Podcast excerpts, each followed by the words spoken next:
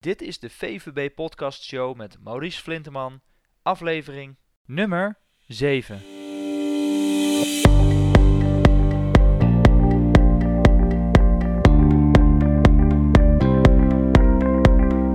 Welkom bij de VVB Podcast Show, waarin je luistert naar experts die je voorzien van de beste informatie, tips en tricks om het rendement op je vermogen te optimaliseren. Vandaag gaan we in gesprek met Thomas Kalsbeek. Thomas is een van de portefeuillemanagers bij OHV Vermogensbeheer. Na zijn studie Finance aan de Rijksuniversiteit in Groningen zit hij alweer een aantal jaren bij OHV. Hier richt hij zich in het bijzonder op individuele obligaties van investment grade tot high yield. En in het gesprek zal uh, ja, te pas komen wat investment grade en high yield inhouden. En we gaan met name in op het onderwerp zijn obligaties met deze lage rentestanden levensgevaarlijk, ja of nee? Ik wens je heel veel luisterplezier. Goedemorgen Thomas. Ja, goedemorgen Maurice. Welkom bij onze podcastshow. Nou ja, zoals, uh, zoals ik eerder uh, heb aangegeven, vandaag gaan we het hebben over zijn obligaties in tijden van extreem lage rentes levensgevaarlijk. Ja. En ja, dat komt natuurlijk omdat de rente staat op dit moment op een historisch dieptepunt. Als de rente oploopt, heeft dit natuurlijk een, een ja, negatief effect op de koers van een obligatie en dus ook op je rendement. Mm -hmm. En ja, de kans dat de rente een keer gaat stijgen is natuurlijk zeer aannemelijk. De vraag is alleen wanneer. Uh, dus ja, is, is beleggen in obligaties uh, wat jullie betreft op dit moment niet levensgevaarlijk? Nee, niet levensgevaarlijk. Natuurlijk, je kunt altijd risico opzoeken. Uh, maar in principe, je koopt een obligatie op een minimaal rendement. Dat weet je van tevoren. Je koopt hem op een bepaalde koers. En je weet dat hij aan het einde van de looptijd uh, lost hij op 100 af. En in de tussentijd krijg je de rente die erop zit. Um, in de tussentijd kan die koers fluctueren inderdaad. Maar uh, als jij een hele kortlopende lening hebt, dan zal die fluctuatie veel minder zijn. En het is dus ook niet levensgevaarlijk in dat opzicht. Uh, je, je, hebt een bepaald rendement waar je na, naartoe werkt. En als je het vergelijkt met bijvoorbeeld aandelen. Aandelen weet je van tevoren niet uh, die lossen natuurlijk niet af, dat is eeuwigdurend. Weet je van tevoren niet wat, wat je rendement gaat zijn. En bij obligaties heb je, koop je het eigenlijk aan op een minimaal rendement. Uh, want hij lost aan het eind van de looptijd lost hij weer af op 100. Dus in dat opzicht uh, zit daar niet zoveel risico aan. En, en zou ik het zeker niet levensgevaarlijk willen noemen.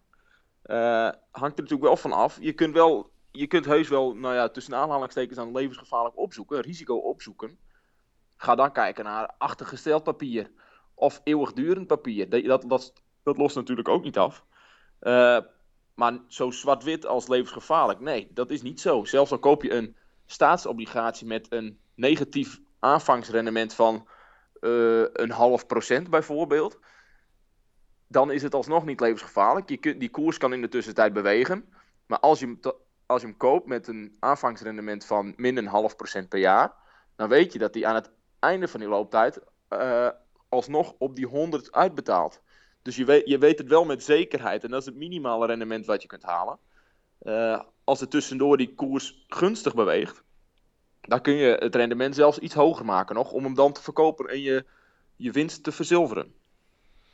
Oké, okay, want er zijn een aantal uh, vragen die dan bij mij oproepen. Want je zegt uh, in eerste instantie van een, een, obligatie lost altijd af op 100. Ja. Um, nou ja, voor de uh, mensen die niet zoveel van obligaties weten, kun je dat misschien even toelichten? Ja, zeker. Ja, obligaties is eigenlijk een, een lening die, die je als belegger geeft aan of een staat. Dus bijvoorbeeld de Nederlandse staat, die heeft natuurlijk ook staatsobligaties. Uh, of een bedrijf. een bedrijf, dat kan ook heel simpel gewoon een, een Philips zijn. Philips heeft geld nodig om, ze, om zijn dagelijkse zaken te, te, te financieren. Um, en als belegger geef je die mogelijkheid. Je leent eigenlijk geld uit aan een Philips. Dat doe je tegen een bepaalde rente die je van tevoren weet. En het, het, net, het is geen spaarrekening, maar het heeft natuurlijk wel bepaalde karaktereigenschappen dat je wel een rente krijgt vergoed. Um, maar in die tussentijd uh, kan, kan die koers van een obligatie kan bewegen. Dat is anders dan een spaarrente. Maar over het algemeen kun je bij obligaties, dat die koers die kan dus ook, in jouw voordeel bewegen. Uh, daar, daar kun je profijt uit halen. En wanneer en waarom beweegt een koers van een obligatie van een bedrijf die zeg maar uh, geld op de, uit de markt wil halen? Nou, dat is eigenlijk, uh, misschien is een staatsobligatie nog wel makkelijker uh, een voorbeeld uh, te geven. Je hebt in de jaren 90 heeft de Nederlandse staat een lening uitgegeven die in 2023 afloopt. Die, die coupon, die, die jaarlijkse coupon die je dus die je krijgt als belegger. Dus de rente die, was, die je ontvangt, ja? Ja, de rente die je ontvangt, ja. die was 7,5%. Nou, dat zou nu iedereen kopen als ze weten van, hé, hey, die 7,5%, als je dat nog gewoon op een koers van 100 kunt kopen. Uh, we weten natuurlijk, die rente die is helemaal gedaald. De Nederlandse staatsrente is zelfs uh, op dit moment, is die 10 jaar net positief, maar laten we zeggen even op de 0%. Dus dat, die 2023, die lening loopt nog steeds. En je krijgt er natuurlijk wel die 7,5% uh, procent rente krijg je elke keer uitbetaald. Maar die koers die stijgt, waardoor eigenlijk uh, die rente die je krijgt, dat gaat eigenlijk in die koers komende jaren naar beneden. Dus je hebt nu heel veel koerswinst gepakt. Eigenlijk heb je die rente naar voren gehaald. Uh, en, die, en, die, en, die, en die lening loopt nog steeds. Maar als je hem nu zou kopen, dan zou die een negatief rendement hebben. En ja. alsnog krijg je wel die 7,5% coupon. Maar omdat je hem nu tegen een veel hogere koers moet kopen, duurder, de, de, de rente daalt. Uh, en daardoor stijgt een obligatiekoers. Is het in dat opzicht is het niet meer zo dat je, dat je altijd die rente vasthoudt. Daarmee kun je dus winst maken. Maar de koers Stel, die dus, heb je nu uh... nog steeds in je portefeuille. Dan staat hij op een koers van 150. Waar hij ooit is uitgekomen op een koers van 100. Ja, precies. Dus de koers wordt eigenlijk bepaald door de vraag en aanbod. Uh, van dat betreffende obligatie die wordt uitgegeven door een bedrijf of exact, staat. Of... Ja. Uh, toen gaf je net aan van hè, een, een, bedrijfsobligatie of een staatsobligatie is eigenlijk te vergelijken met, uh, met spaarrente, want je krijgt rente erover. Alleen er zit natuurlijk ook een, een, een, gedeelte risico aan. Nou, als jij geld op een spaarrekening hebt staan, dan weten we in Nederland dat je, eh, stel dat de bank failliet gaat waar je geld hebt staan wat liquide staat, ben je vergoed tot 100.000 euro. Hè? Dus de depositogarantiestelsel. Maar bij obligaties is dat natuurlijk niet zo. Nee, klopt. Wat, wat, wat zijn de risico's als je een obligatie aankoopt? Uh, je zit natuurlijk in het, het achterliggende bedrijf. Uh, stel, wij zien het niet gebeuren, maar je kunt zomaar hebben dat een, uh, een bedrijf kan failliet gaan. laat ik weer Philips noemen, ik denk het niet, maar het kan natuurlijk wel. En voor dat stukje risico wat je daarmee neemt, krijg je een stukje extra rentevergoeding. ten opzichte van, van, van de spaarrente bijvoorbeeld. als je kijkt naar de Nederlandse staat, nou, die, die, die zal minder snel omvallen dan, een van de, dan het bankenstelsel in Nederland. Daarom is die rente die je krijgt op een staatsobligatie weer lager dan de spaarrente, een stuk lager zelfs. Uh, op die manier krijg je eigenlijk, ja, je hebt een bepaalde risico, daar krijg je, daar krijg je voor vergoed. Um, als het dus misgaat, uh, tussen aanhalingstekens met een obligatie, uh, dus het kan altijd zo zijn dat een bedrijf failliet kan gaan. Je hoopt het niet, daar doen wij ook goed onderzoek naar, maar dat kan toch altijd gebeuren. Uh, daar krijg je daar een stukje extra rentevergoeding voor. Maar daar, daar loop je gewoon een stukje risico ook voor. En dat is helemaal niet erg, want als je dat risico spreidt, dan kun je een hele mooie portefeuille hebben. Wat bijvoorbeeld nog beter rendeert dan uh, één spaarrekening, wat je natuurlijk toch maar bij één bedrijf hebt. Zelfs al heb je die, uh, die, die, die, die depositogarantiestelsel. Ja, dus als je naar risico kijkt, dan kijk je meestal naar de, tenminste dan kijk je meestal, dan kijk je naar de kredietwaardigheid van een bepaald bedrijf. Ja. En hoe minder kredietwaardig, hoe hoger de vergoeding is die je zult krijgen als couponrente op je Ja, obligatie. En hoe meer risico je dus ook loopt dat een bepaald bedrijf failliet zou kunnen gaan. Uh, nu gaf je net aan, hè, want dat zei ik net in mijn, mijn intro ook al, als de rente gaat stijgen, dan heeft dat over het algemeen een negatief effect op obligaties. Ja. Um, kun je dat toelichten? Ja, zeker. Uh, dat eerdere voorbeeld wat ik ook al aangaf, dat zo'n koers die kan ook van 100 naar 150 gaan. Kan een koers ook, omdat uh, de rente heel hard aantrekt, kan een koers ook van, van 100 naar 70 gaan. Dus je hebt die tussendoor beweging heb je nog altijd. Je kunt, je kunt dus wel op korte termijn, nou, dat is 30%, dat is natuurlijk enorm, uh, een enorm verlies. Maar als jij uh, uiteindelijk weet je dat je die 100% toch weer gewoon terugkrijgt. Dus hij zal op, op een gegeven moment toch weer van als hij naar de 100 naar de 150 gaat, hij lost af op 100. Als hij van de 100 naar de 70 gaat, hij lost ook weer af op 100. Dus, dus dat is een zekerheid die je hebt natuurlijk. Dus daarin, uh, en als, als je met een langere looptijd zit, dan zit er veel meer bewegelijkheid in. En hoe kun je die bewegelijkheid ook deels, grotendeels terughalen? Is eigenlijk door in kortlopende obligaties te gaan beleggen. Kortlopend, dan weet je, uh, als een koers uh, vandaag op, op, op 70 staat, en dan lost over twee jaar af, dat is natuurlijk een enorm rendement wat je kunt maken. Daarom is die kans ook niet zo groot dat dat gebeurt. Maar stel, hij staat nu op 70 en hij lost over 50 jaar pas af. Kijk, dat is eigenlijk maar, uh, maar anderhalf procent per jaar. Ja, en dan, je geeft net aan kortlopend. En dan heb je het over de looptijd van een obligatie. Wat, wat vind jij kortlopend? Kortlopend bij ons, eh, het is natuurlijk ook weer een gemiddelde, moet je naar kijken. Uh, dan zit je rond de, rond de 4, 5 jaar. Dan op dat moment zit je eigenlijk, ja, dat zijn leningen die dus over 4, 5 jaar gemiddeld gezien aflopen. En daar kan eens eentje tussen zitten van die, die volgend jaar al afloopt. En daar kan ook wel eens eentje tussen zitten die over 7 jaar afloopt. Maar als je dat over een breed spectrum bekijkt, uh, dan zou dat in principe, ja, 4, 5 jaar, dat vind ik, dan zit je aan de korte kant inderdaad. Ja, en als je dan nu kijkt, want je, geeft, je, geeft, je geeft net aan van ja, die rentes zijn op dit moment op een bedrijfsobligatie, uh, zijn die rentes erg laag. Hè? Die zijn misschien nog wel lager dan op dit moment de spaarrente is. Uh, waarom ja, zou een belegger um, zijn geld niet op, een, uh, op de spaarrente zetten of op een spaarrekening zetten en spaarrente trekken in plaats van dat hij risico gaat lopen in een, in een obligatie? Ja, nou, je hebt natuurlijk verschillende obligaties. Een deel is inderdaad, als, een, als je naar een heel veilig bedrijf als Shell kijkt, wat ook heel hoog staat aangeschreven. Uh, dan is die, die hebben zelfs ook al, al, al, al rentes die, die, die gewoon op 0% zitten. Uh, daar valt natuurlijk ook een afweging in te maken. Je kunt ook in obligaties uh, beleggen, die wat iets meer risico bieden, maar ook weer iets meer rendement bieden en ook meer dan die spaarrekening. Kijk, we hebben natuurlijk twee jaar geleden, werd tegen ons ook al veel gezegd, door klanten van ja, waarom moet ik nog in obligaties gaan beleggen?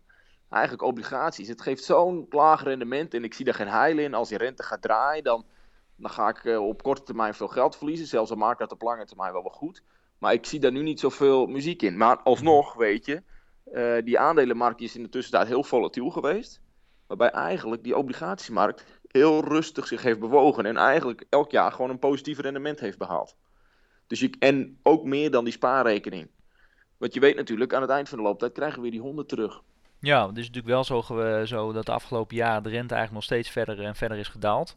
Ja. En we hadden het in 2008 over een dieptepunt, maar dat is eigenlijk nog veel verder. Uh, het dieptepunt is veel verder gezakt nog. Ja, zeker. Ja, um, maar ja, dat er een keer een, een draai in gaat komen, dat de rente uh, van een dieptepunt uh, weer gaat stijgen, ja, die kans wordt natuurlijk wel steeds groter naarmate je dichter bij de nul komt. Dus het is natuurlijk zo dat je ook nog wel onder de nul uit kan komen. Maar ja, hoe, hoe ga je daarmee om? Ja, zeker. Nou ja, wat ik eerder al zei, je zit in een korte looptijd. Dus stel die rente die zou van vandaag op morgen zou die opeens van, van 0%, wat je nu even voor het gemak met, uh, met de 10 jaars, 10 jaars Nederlandse lening hebt, van een 0% naar 1% gaan. Dat is negatief voor de obligatiekoersen. Die zullen ook uh, ongeveer 10% naar beneden dan gaan. Um, maar daarom beleggen wij veel korter. 10 jaar is voor ons lang papier dus. Uh, terwijl wij in 4, 5 jaar. Dus daar zal het effect veel minder groot zijn.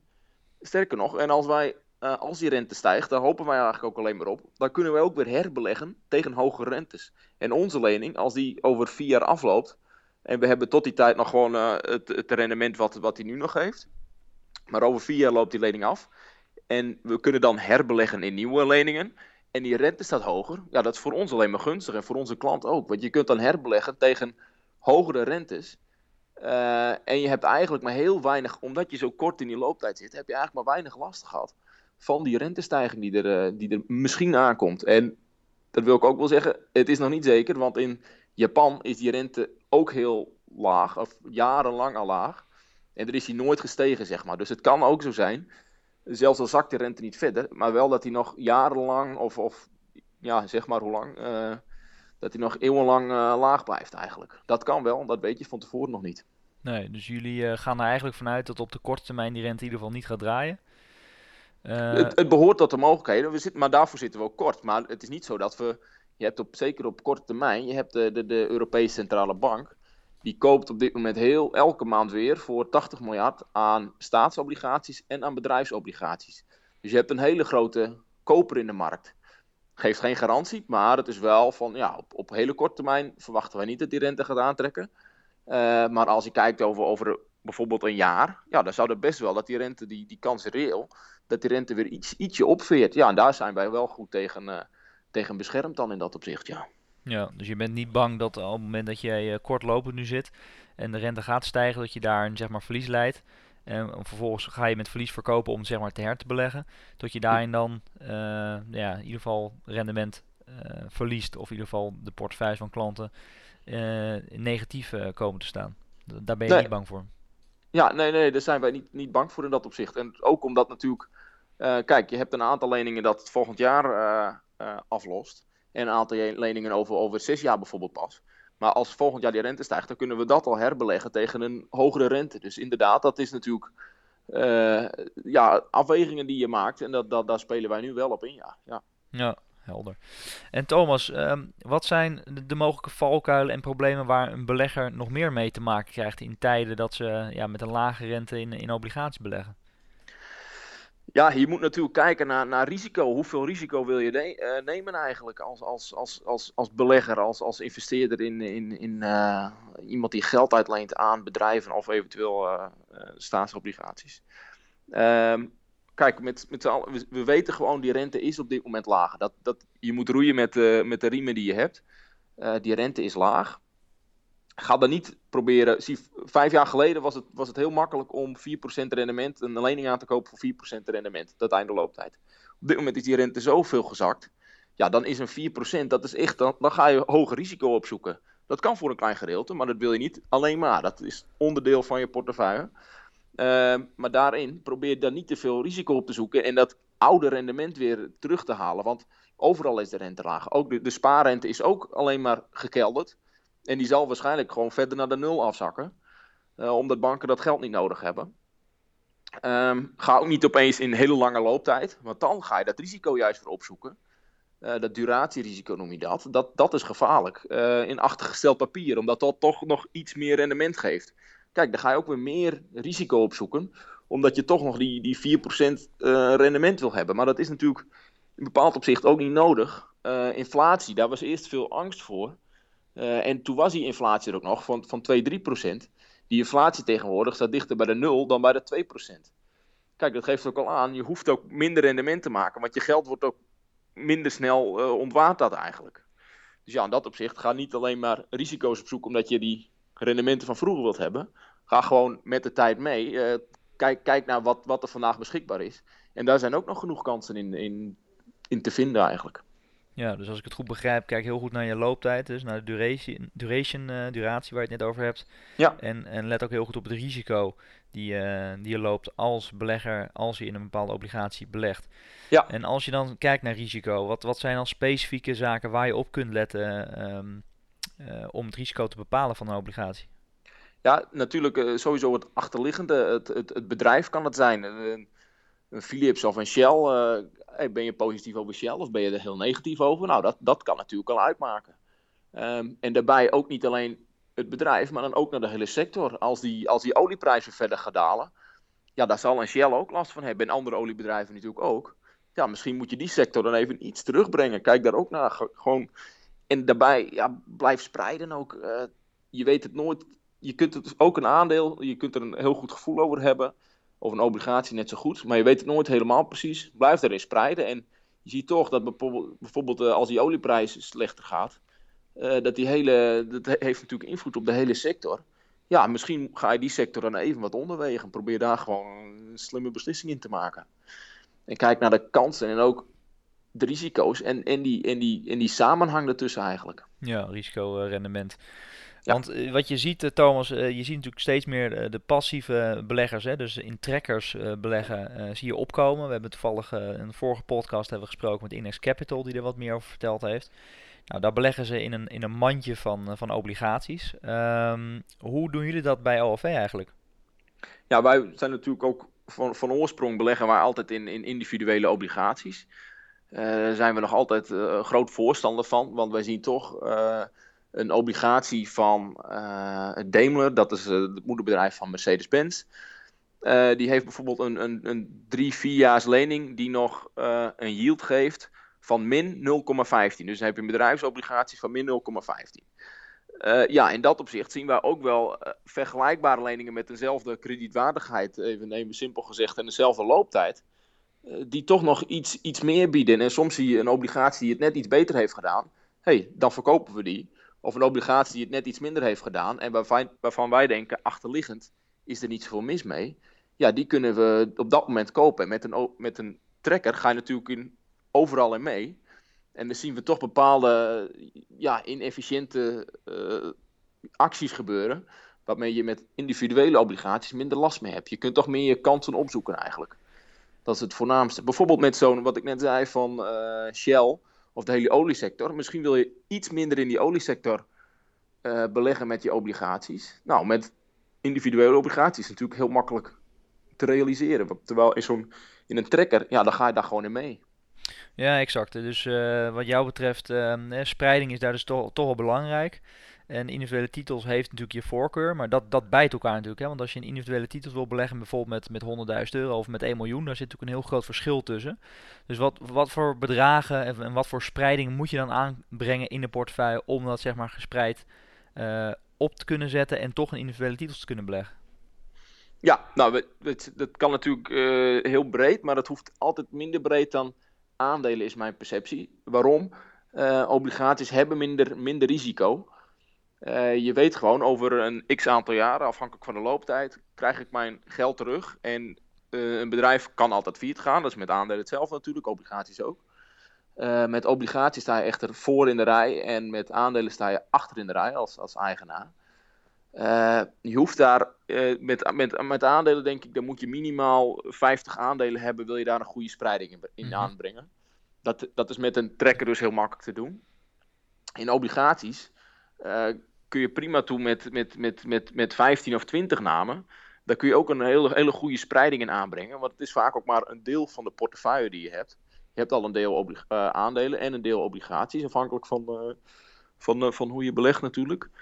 Maar daar, daarin kun je veel specifieker ook, ook risico's juist opzoeken in, in positieve zin. en dat hoeft niet zo breed als als een aandelenportefeuille. Maar het is inderdaad waar. Uh, je hebt heel veel leningen die tegenwoordig uitkomen per minimaal 100.000 euro.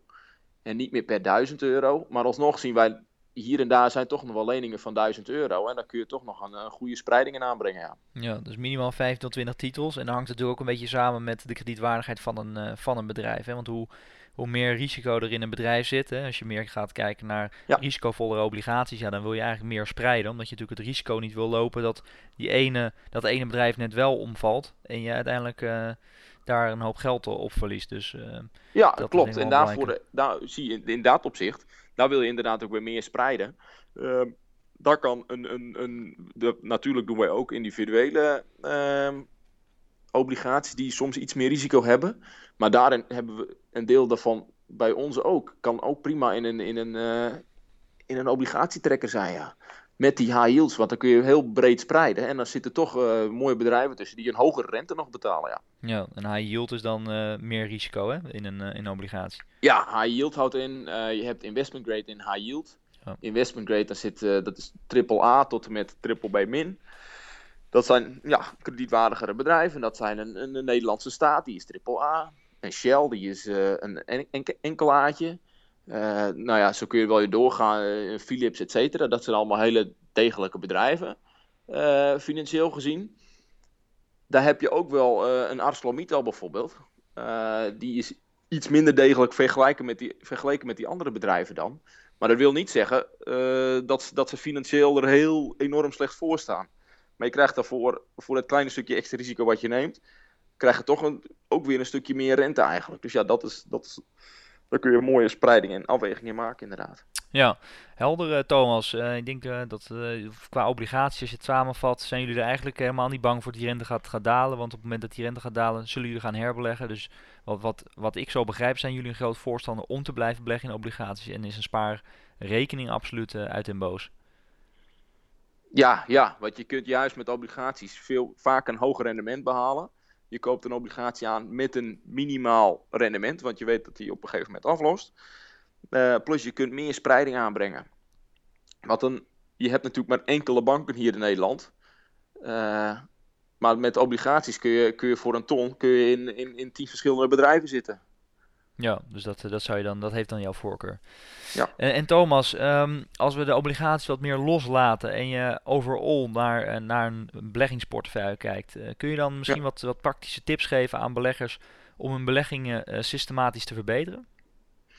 Ja, ik ben er eerder over begonnen. Het klinkt bijna een beetje flauw, maar blijf spreiden. Uh, niemand, niemand weet precies wat er ooit, ooit gaat gebeuren. Natuurlijk, wij lezen ook onze research en alles en daar maken we een prima afweging op. Maar daarbij blijft belangrijk, blijf spreiden, ook in aandelen en in obligaties. En die twee, uh, die kunnen prima samen. Maar ga het wel samen bekijken, want er is heel veel tegen ons gezegd ook van ja, maar ik wil eigenlijk alleen maar in aandelen en niet meer in obligaties. Terwijl obligatie blijft natuurlijk gewoon vaak een belangrijke bouwsteen van je portefeuille. En dat kan aandelen ook net zo goed zijn, maar maak daar een goede afweging in. En hoeveel risico wil je eigenlijk lopen? Wordt nog wel eens overschat van ja, nee, ik kan wel zoveel verlies maken, maar misschien is het voor die klant achteraf helemaal niet, niet, niet zo geweest. Uh, heeft hij dat niet zo gewenst en toch, uh, toch is het risico gelopen. Ja, misschien het, het, het gras is bij de buren altijd groener. Die zullen altijd een hoger rendement halen. Tenminste, dat hoor je natuurlijk altijd. Maar financiële rust is ook heel fijn. Dus maak daar een goede afweging in. En ja, blijf spreiden. Kijk naar een partij die bij je past. Waar het verhaal bij je past. En je hoeft altijd te gek te doen om, om, om een prima resultaat te behalen. Ja, precies. En als je kijkt naar, um, want dat is altijd waar we mee afsluiten, we zitten alweer bijna op een half uur. Um, de belangrijkste levensles, uh, inzicht, uh, zijn we altijd op, uh, naar op zoek. die jij hebt geleerd tijdens jouw werkzame leven in de vermogensbewereld. die jouw leven eigenlijk volledig op zijn kop heeft gezet. Kun je daar iets meer over vertellen? Ja, toch wel dat ik zelf, en daarmee beleg ik zelf nu ook, meer rust wil hebben eigenlijk. En ik niet zo erg vind dat ik niet het, het, het geprognotiseerd rendement van, van 8% haal. Maar dat het iets minder is. Maar dat ik daarvoor ook minder risico loop. Want uh, ik ben nog jong. Ik kan, in dat opzicht zou je zeggen van ik kan veel risico uh, lopen natuurlijk. Omdat je veel tijd hebt om het goed te maken. Maar alsnog vind ik het ook fijn om niet altijd maar het, het, maximale te willen. En als je een stapje terug doet, ook in risico. Dat je daarmee alsnog, dat het eigenlijk meer rust geeft. En dat je daar ook meer tevreden mee kunt zijn ik heb natuurlijk ook uh, vaak genoeg onze klanten uh, aan de lijn. En dan merk je toch van ja, het is toch voor jezelf ook en voor de klant ook plezanter als je gewoon zegt van ja, we hebben inderdaad niet, niet, niet precies de aandelenbeurs gevolgd, want we beleggen voor een stukje in obligaties. Maar toch gewoon een prima, een degelijk rendement neergezet. Dat vind ik toch wel, dat dat risico nog wel eens wordt onderschat van hoeveel iemand risico wil lopen eigenlijk. Ja, dat is natuurlijk lastig Want als, een, als 20% van het vermogen weg is, je hoort vaak genoeg van, dat wil ik toch zeggen op, met, met een gesprek toch of van, ja nee, ik kan wel meer risico lopen. Dat blijkt vaak toch niet zo te zijn. Dus ga gewoon pas op de plaats, beetje meer rust, beetje meer, minder risico eigenlijk. Dat dat voor mezelf ook wel heeft geholpen van, ja, eigenlijk vind ik dat zelf ook, uh, ook, ook fijn. Ja, en dat hangt natuurlijk wel een beetje samen met uh, wat je net zelf zegt, hoe je als belegger in elkaar steekt. Hè? Want de ene kan meer risico aan dan de ander. Maar in ieder geval het risico in kaart brengen en vooraf bekijken hoeveel risico wil ik lopen en uh, dat dan zeg maar afstemmen in je beleggingsportefeuille. Dat heeft bij jou betreft, wat jou betreft, heeft dat de voorkeur. Ja, en denk daar goed over na, want het is niet zomaar iets uh, van, ah, oh, ach, ik vul één keer iets in en, en het, het, komt toch niet weer terug. Het heeft wel consequenties natuurlijk op je financiële positie en dat, dat kan wel, ja, dat kan wel invloed hebben, ja. Ja. Oké, Thomas, hartstikke bedankt uh, voor al je tips die je hebt uh, gegeven. Ik hoop dat het voor de luisteraar ook uh, duidelijk is. met betrekking tot de obligaties. Want vaak is natuurlijk als je over obligaties praat, ja, wordt het toch al wat vaak weer wat technischer. Maar volgens mij zijn we redelijk, was het redelijk duidelijk. Bedankt in ieder ja. geval. Jij ook bedankt. ik spreken... kan natuurlijk altijd helpen met vragen, maar als er meer is, dan hoor ik het graag. Ja, vragen kunnen ze natuurlijk altijd stellen op, op het blog onderaan bij ons op de website. Uh, vvb.nl slash uh, aflevering uh, eh, 6 of 7 is dit inmiddels alweer. dus vvb.nl 7. En dan kun jij eventueel wat vragen beantwoorden. Ja, zal ik zeker doen. Bedankt Thomas en we spreken elkaar later. Ja, fijne dag. Oké. Okay.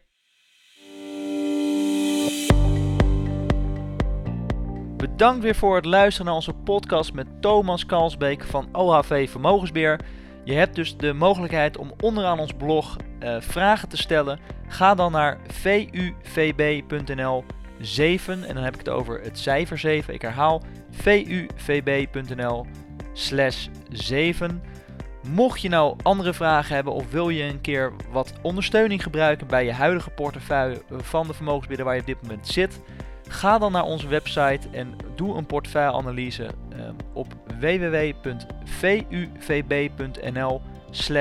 beleggen. Ik herhaal vuvb.nl beleggen. En uiteraard hoop ik dat je er volgende keer weer bij bent voor een heel goed en leuk nieuw, nieuwe podcast. Tot dan!